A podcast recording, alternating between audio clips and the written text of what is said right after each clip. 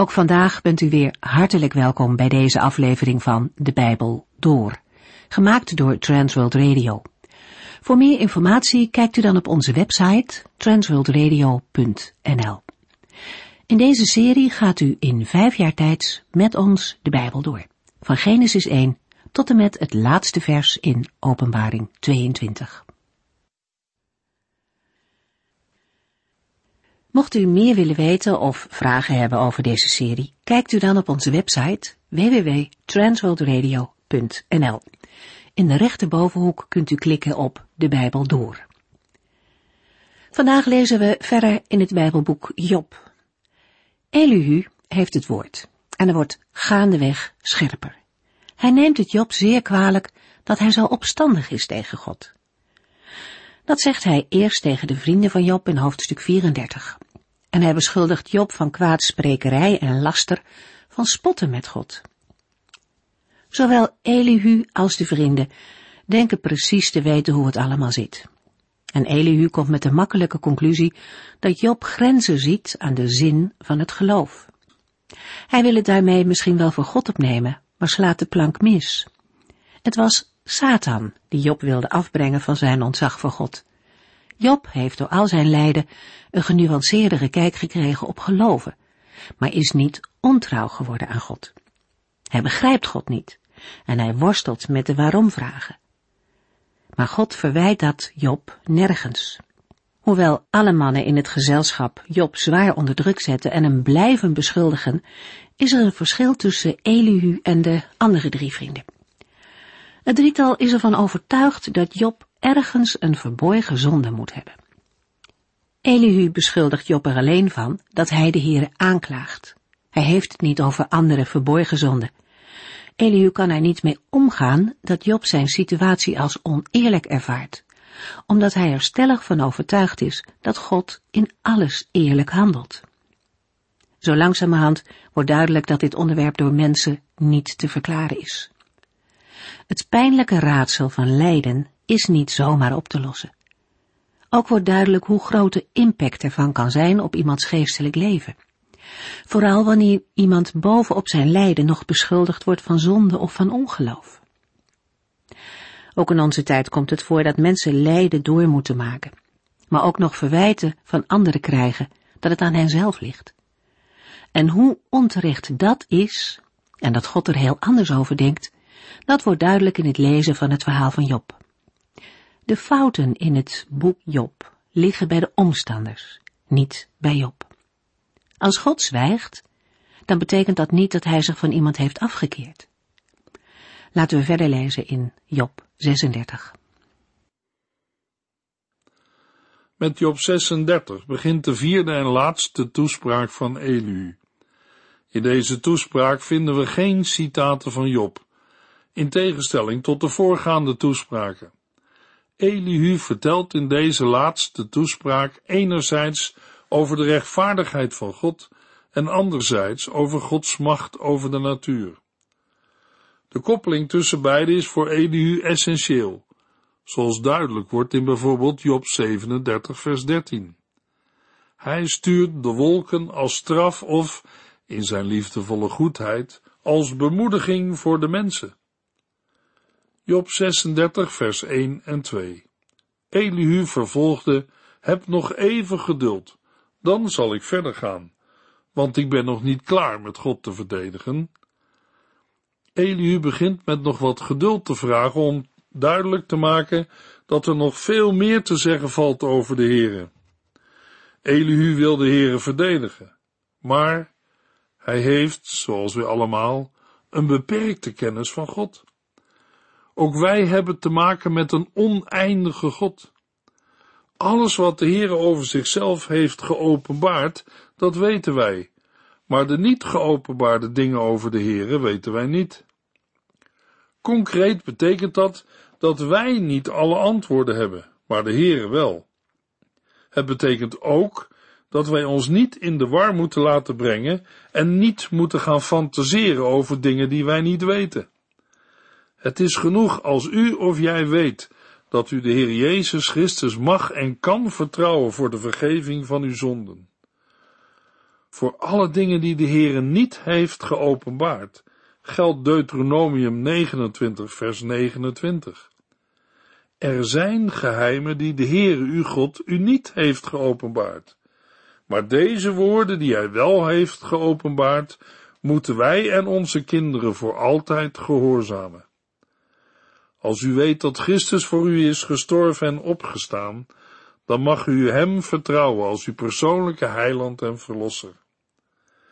Daarmee worden mogelijk al uw vragen en twijfels met betrekking tot God, de Bijbel en het geloof niet direct beantwoord of opgelost. Maar u mag wel zijn rust en vrede ervaren. Een van de bekendste radiosprekers van Transworld Radio Nederland is Corrie ten Boom. Zij schrijft in een van haar boeken, Als ik straks bij mijn hemelse vader mag zijn, dan heb ik hem nog veel te vragen. Eliu gaat verder. Job 36 vers 3. Ik zal u enkele wijsheden uit een ver verleden geven, die de rechtvaardigheid van mijn schepper aantonen. Elihu wil de rechtvaardigheid van zijn maker aantonen. Het is een belangrijk gegeven voor hetgeen volgt. Als Elihu in vers 5 tot en met 15 spreekt over het lot van rechtvaardige en van slechte mensen, of over de macht van God in de natuur, blijft het zijn eerste prioriteit om Jobs kritiek op Gods rechtvaardigheid te ontzenuwen. Job 36, vers 4 tot en met 7. Ik vertel u de waarheid, want ik ben een man met feilloos inzicht.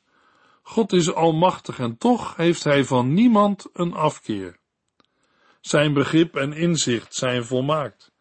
Hij houdt de goddelozen niet in leven, maar geeft aan de onderdrukten hun rechten. De goede mensen negeert hij niet, maar hij verhoogt hen door hun een plaats te geven op eeuwige koninklijke tronen. Al eerder is aangegeven dat we de woorden van Elihu niet verkeerd moeten opvatten. Ik kan mij voorstellen dat iemand na het lezen van vers 4 kan denken dat Elihu zich erg onbescheiden opstelt. Maar als een echte wijsheidsleraar geeft Elihu aan dat zijn woorden geen bedrog bevatten en dat hij een integer man is. De Heere mag dan wel verheven zijn, het is niet zo dat menselijke godsdienstigheid of een gebrek daaraan hem onverschillig laat. De Heere zorgt ervoor dat goddelozen geen lang leven zullen hebben, en hij verschaft recht aan wie onderdrukt wordt. Hij houdt niet op de rechtvaardige of goede mensen te beschermen en voorspoed te geven, zodat ze hoge posities bekleden. Luisteraar, vandaag is er geen reden voor een mens om gescheiden van de Heere te leven. De Heere heeft het probleem van de zonde eens en voor altijd geregeld in het verzoeningswerk van zijn Zoon Jezus Christus. Er is één middelaar tussen God en mensen, de mens Christus Jezus. Door hem mag een mens naar de Heere gaan. In de versen 5 tot en met 21 legt Elihu nog een keer uit dat hoe groot de Heer ook is, dat niet wegneemt dat de Heere niets ontgaat en hij alles weet. Daarom straft hij de goddelozen en doet de rechtvaardigen recht. Deze laatsten kunnen het soms wel moeilijk hebben, maar het doel van die beproevingen is dat zij daarin Gods stem zullen horen, die hen tot bekering roept, zodat ze weer levensgeluk vinden. Zo wil de Heere, volgens Elihu, ook Job weer gelukkig maken. Maar Job heeft zich het oordeel van de goddelozen op de hals gehaald. Job moet zijn opstandige houding opgeven. Hij moet Gods grootheid erkennen en hem erin verheerlijken, zoals anderen hem daarin zijn voorgegaan. Want God is groot en wij begrijpen hem niet. Kijk naar het wonder van de regen en de majesteit die hij in het onweer laat zien en waarin hij zijn vijanden tegemoet treedt.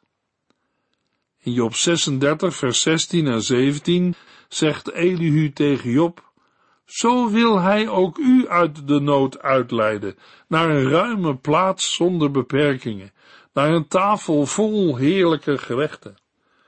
Maar nu wordt u beheerst door uw haatgevoelens over de goddelozen. U bent helemaal in de ban van rechtvaardigheid en oordeel. En in vers 21, laat het kwaad links liggen, want God bracht u deze ellende om ervoor te zorgen dat u niet in een slecht leven verviel. Job 36, vers 22 en 23. Kijk, God is almachtig. Kent u een betere leermeester dan hij? Wie durft hem wetten voor te schrijven of te zeggen dat wat hij doet verkeerd is? In Job 36 zijn veel details erg moeilijk te verklaren, maar de rode draad is wel duidelijk. Elihu's verdienst is dat hij de traditionele indeling van de weg van de goddeloze tegenover die van de rechtvaardige probeert te rijmen met de realiteit van Job. Ook met een rechtvaardige kan het verkeerd aflopen. Elihu wil zowel de Heere als Job en ook zijn eigen theologie recht doen. Achter de rampspoed die Job treft zit de Heere die hem wil bewaren en hem daarom treft met een gedoseerd deel van de lotsbestemming van een goddeloze. Lijden is geen noodlot, maar een maatregel die de mens terugbrengt naar de basiskeuze, tussen bekering tot het goede of een verder wegzakken. Volgens Elihu is dat Jobs verhaal, omdat Job nu opnieuw voor die basiskeuze staat. Elk alternatief is afgenomen. Om Job het juiste antwoord voor te schrijven, begint Elihu vanaf vers 22 een uitgebreide bezinning op de wijsheid van God. Elihu laat zien dat het kwaad niet altijd tot oordeel leidt en het goede niet altijd wordt beloond. Het is de verdienste van Elihu dat hij Gods positieve aanwezigheid bepleit in een situatie waarin Job hem alleen maar als tegenstander ervaart. De Heere kan het lijden gebruiken voor zijn eigen doel en hij mag niet beperkt worden tot een vergeldingstheorie. Tegelijk doen conclusies van Elihu over Gods bedoeling nog geen recht aan wat de lezer weet vanuit de eerste twee hoofdstukken. In ieder geval betekent het voor gelovigen vandaag dat wij de vragen van Elihu zeker ter harte moeten nemen. Het hoofdthema van Elihu is nog steeds de natuur, waarmee de Heere onderwijs geeft over zichzelf en waardoor wij zijn werk als rechtvaardig moeten bezien. In Job 37 gaat Elihu hiermee verder, waarbij hij in het bijzonder de bliksem beschrijft, in het oude Midden-Oosten vaak een blijk van Gods macht. Ik vat de versen voor u samen. Zelfs Elihu, die onschuldig is en geen bliksem heeft te vrezen, is vervuld van ontzag. Laat Job luisteren naar de donder als Gods stem, het gebrul dat de hemel doorraast. Nadat de bliksemschichten naar de hoeken van de aarde schieten, klinkt het machtige geluid van de donder. Het is de Heere zelf die het laat donderen. Hij doet wonderlijke dingen die de mens niet kan bevatten. Hij beveelt sneeuw en regenstormen. De winter stuurt de mensen die buiten werken naar binnen. En ook de dieren schuilen tussen de rotsen of in hun holen. Maar de mens, die verstandiger is dan het dier, is de enige die kan nadenken over zijn beperkingen in dit seizoen. De wind waait vanuit het zuiden en de wind uit het noorden voert koude lucht aan. Gods adem doet zelfs de zee bevriezen. Elke wolk pompt God vol water tot de bliksem eruit stroomt. Wolken en bliksemschichten zijn overal op aarde en worden door de Heere heen en weer gestuurd om uit te voeren wat Hij beveelt. Als een man die vele natte winters heeft nagedacht, legt Elihu drie mogelijke betekenissen van de regen voor. Ten eerste duidt overmatige regen op straf. Mogelijk doelt Elihu op bedreigende overstromingen die levens en bezittingen verwoesten. Denk aan de zondvloed. Ten tweede is regen een middel waarmee de Heere voor de aarde zorgt. En ten derde kan de regen een blijk van Gods genade voor de mens zijn. Hoe dan ook, De regen blijft een instrument in Gods hand. Elihu zegt in vers 14, luister, Job, sta stil en kijk naar de machtige wonderen van God. Elihu vraagt opvallend vaak om Jobs aandacht. Dat gebeurt ook vaak als introductie van een nieuwe gedachte. Hier zijn dat natuurverschijnselen in de versen 14 tot en met 24. Dan begint Elihu Job ironisch vragen te stellen over zaken waar mensen niets van weten, namelijk hoe de Heere het bevel voert over de bliksem. Weet Job soms te vertellen hoe de zware wolken zo hoog aan de hemel blijven zweven? Kent hij de wonderen van degene die perfect is in kennis, van de alwetende? Nee, daarover heeft Job geen kennis of controle. Zou hij de hemelkoepel kunnen maken die zo hard is als een gegoten spiegel? Job is totaal weerloos tegenover Gods elementen. Dan doet Elihu er nog een schepje bovenop. Als u denkt dat u zoveel weet, leer ons dan hoe wij tot God kunnen naderen, want wij kunnen daar niet achter komen. Elihu en de zijnen tasten daarover in het duister. Het punt is duidelijk. Wie wijs is, kent zijn grenzen. En Job behoort niet tot die categorie. Denkt de mens dat hij of zij de Heere ter verantwoording kan roepen? Wij kunnen de Heere niet eens zien.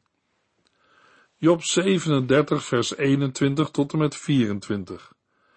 Want net zo min als wij in de zon kunnen kijken, wanneer de wind alle wolken uit de lucht heeft weggedreven, zo min kunnen wij het oog richten op de onzagwekkende majesteit van God, als Hij zich vanuit de hemel over ons uitstort, gehuld in zijn duizelingwekkende pracht. Wij kunnen ons geen voorstelling maken van de macht van de Almachtige. Hij is zo rechtvaardig en goed dat hij niemand zal onderdrukken. Geen wonder dat mensen overal ter wereld ontzag voor hem hebben. Want zelfs de meest wijze man ter aarde maakt totaal geen indruk op hem. Al kan een mens nog zo diep nadenken over de hemel, de Almachtige zelf, kunnen wij vanuit onszelf niet vinden. Hij is de machtigste en meest rechtvaardige. Daarom hebben mensen overal ter wereld ontzag voor hem. In het bijzonder degene die wijs van hart zijn. Elihu, die al eerder heeft gesproken over openbaringsmiddelen als dromen en visioenen en ziektes, sluit zijn toespraak af met de openbaring die besloten ligt in de natuur. Zijn stijl wordt daarbij opvallend direct en retorisch. De manier van spreken begint erg te lijken op de manier waarop de Heer in Job 38 zijn retorische vragen gaat stellen aan Job. Zowel de Heer als ook Elihu horen Job uit over zaken waar Job niets over kan zeggen en er ook geen invloed op heeft. Bovendien spreekt Elihu nu ook meer over verschijnselen die gepaard gaan met een manifestatie van de Heere, zoals duisternis, wolken, bliksem, vuur en overweldigend zonlicht. Het Bijbelboek Job heeft, om met Elihu te spreken, het duister van de herfst en de winter overleefd, alsof wolken de waarheid verborgen hielden. Maar met Elihu's slotwoorden over de doorbrekende zon lijkt de climax bereikt en zijn we voorbereid op de komst van het licht zelf. Job 38 vers 1 en 2 toen gaf de Heere Job vanuit een storm zijn antwoord. Wie is het die door onzinnig gepraat mijn besluiten onbegrijpelijk probeert te maken? De Heere God heeft na zijn spreken in Job 1 en 2 steeds gezwegen. Hoewel alles wat gezegd is op hem betrekking had, heeft hij niemand onderbroken. Evenmin als Job trouwens zijn aanklagers onderbroken heeft, inclusief Elihu, de laatste spreker. Maar nu is het grote moment aangebroken, waar Job zo naar heeft uitgezien. De Heere gaat antwoorden en doet dat vanuit een storm. Er lijkt een verbinding te bestaan met de zojuist door Elihu beschreven storm in Job 37, vers 21 tot en met 24. De komst van de Heere gaat vaker met een storm gepaard. In tegenstelling tot de vele andere keren dat de Heere ter sprake is gekomen in het Bijbelboek Job, wordt bij zijn komst opnieuw de naam gebruikt die onlosmakelijk verbonden is met zijn openbaring en verschijning, namelijk Yahweh. In het Bijbelboek Job lazen we het voor het eerst in Job 1 vers 6 en 2 vers 6, nu ook in Job 38 vers 1. Met het woord storm wordt waarschijnlijk een wervelstorm of onweer aangeduid. Er kan ook een woestijnwind mee zijn bedoeld. Met de uitdrukking toen gaf de Heere Job vanuit een storm zijn antwoord, is de aanname niet ondenkbaar dat alleen Job deze woorden hoorde, terwijl de vrienden alleen de storm bemerkten. Immers alleen Job wordt genoemd als aangesproken persoon. Later, in Job 42 vers 7, wordt Elifas door de Heere aangesproken. Job had aangegeven dat God in een rechtsgeding wel zou verschijnen, maar hem dan niet zou horen, omdat hij Job zou verbrijzelen. Toch is nu de wervelstorm Jobs probleem niet. Hij moet heel veel vragen beantwoorden over natuurverschijnselen en de dierenwereld. De Heere sluit voor een aanzienlijk deel aan bij de thema's die Elihu al heeft aangeroerd in zijn vier lange toespraken. Op het eerste gezicht zou de verontwaardigde vraag van de Heere, wie is het die door onzinnig gepraat mijn besluiten onbegrijpelijk probeert te maken, op Elihu betrekking kunnen hebben. Want die is nog maar net uitgesproken. Toch is het duidelijk dat de Heere met het noemen van Jobs naam zich niet tot Elihu richt. Er is immers maar één persoon die trots verklaard had te zullen antwoorden als de Heere hem riep. Wat blijft er over van zijn moed, nu hij zich mag klaarmaken voor een bewuste confrontatie? Job 38, vers 3 en 4. Maak u maar klaar, zet u schrap, want ik ga u vragen stellen om te zien wat u weet. Waar was u toen ik het fundament legde voor deze aarde? Zeg het mij, u weet immers zoveel. De Heere bevestigt later dat wat Job over hem heeft gezegd terecht was. En daarom is het niet zo dat de Heere zich nu richt tegen al Jobs verklaringen of tegen zijn klacht als geheel. Het is aannemelijker dat Gods beschuldiging alleen betrekking heeft op de onderwerpen die aan de orde komen. Bijvoorbeeld zoals Jobs twijfel over Gods rechtvaardig bestuur. De Heere spreekt over verschillende natuurelementen. Daarbij moeten we beseffen dat het woord natuur bij ons een andere betekenis heeft dan vroeger. Er is geen zelfstandige natuur, maar een schepping die gemaakt is en voortdurend door de Heere wordt onderhouden. Job heeft gezegd dat God de bergen en de aarde zelf van hun plaats omstoot, het zonlicht tegenhoudt en de sterren opbergt. Maar waar was Job toen de Heere de fundamenten voor de aarde legde? Job 38 vers 5 en 6 Weet u hoe haar afmetingen werden vastgesteld en wie dat alles heeft nagemeten? Kom, vertel op. Waarop steunen de fundamenten en wie plaatste de hoekstenen? Beseft Job wie de afmetingen van de wereld zo secuur vastgesteld heeft? De Heere bedoelt dat hij alleen handelde toen de aarde werd ontworpen. In Jesaja 40 vers 12 tot en met 15 horen we de profeet dezelfde vragen stellen. Wie hield de oceaan in zijn hand en grensde de hemel af tussen duim en pink? Wie kent het gewicht van de aarde en weegt de heuvels en de bergen? Wie adviseert de geest van de Heere, leert hem iets of geeft hem raad? Heeft hij ooit iemands raad nodig gehad? Moet hem worden gezegd wat goed of beter is? Nee, want alle volken van de aarde zijn niets vergeleken bij hem. Ze zijn slechts een druppel in een emmer, een stofje op een weegschaal. De eilanden wegen niet meer dan een korreltje zand. Er waren alleen niet menselijke getuigen. Er wordt wel gezegd dat de verwijzing naar een meetlint ironie bevat. De Heere maakt daarmee duidelijk dat hij niet van zulke meetinstrumenten afhankelijk is. Maar het is ook goed mogelijk dat het noemen van het meetlint de bedoeling heeft om de precisie en perfectie van de schepping tot uiting te brengen. De aarde wordt dan voorgesteld als een exacte uitvoering van Gods gedetailleerde plan. Kan Job zeggen waarin de fundamenten van de aarde steunen, of wie de hoekstenen heeft geplaatst? In Job 26 is sprake van pijlers en van het feit dat de Heere de aarde aan het niets hangt. Nee, Job kan dat niet zeggen, want hij was er toen nog niet. Wie waren er wel? Job 38 vers 7 Waarop steunen de fundamenten en wie plaatste de hoekstenen, terwijl de morgensterren samen zongen en alle engelen juichten van blijdschap? De morgensterren, letterlijk sterren van de ochtend, zongen bij de schepping van de aarde. In Genesis 1 vers 16 worden de sterren later geschapen dan de aarde. Maar het is aannemelijk dat hier geen letterlijke sterren zijn bedoeld, vanwege de volgende redenen. 1. Ze juichen en worden als personen voorgesteld. 2. Ze staan parallel met de zonen van God of hemelse wezens. 3.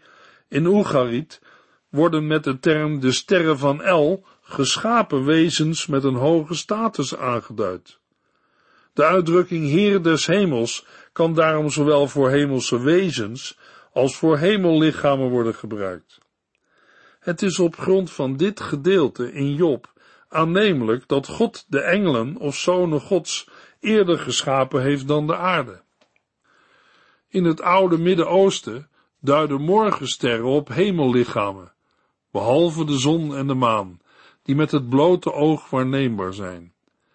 In de Sumerische literatuur wordt de morgenster aan de hemel als een godin beschouwd. In tegenstelling tot de meeste verwijzingen in de oudheid bevat de Bijbel geen spoor van legitieme verering van de hemellichamen. Daarbij wil de Heere ook niet dat wij uit de sterren de toekomst voorspellen. In de volgende uitzending lezen we op 38 vers 1 tot en met 42 vers 17. U heeft geluisterd naar De Bijbel Door, in het Nederlands vertaald en bewerkt door Transworld Radio. Een programma waarin we in vijf jaar tijd de hele Bijbel doorgaan. Als u wilt reageren op deze uitzending of u heeft vragen, dan kunt u contact met ons opnemen. Tijdens kantooruren kunt u bellen op 0342 478432 0342 478432. Ook kunt u een e-mail sturen naar de Bijbel door transworldradio.nl en natuurlijk kunt u ook via de post ons bereiken. TWR, postbus 371, postcode 3770, AJ in Barneveld.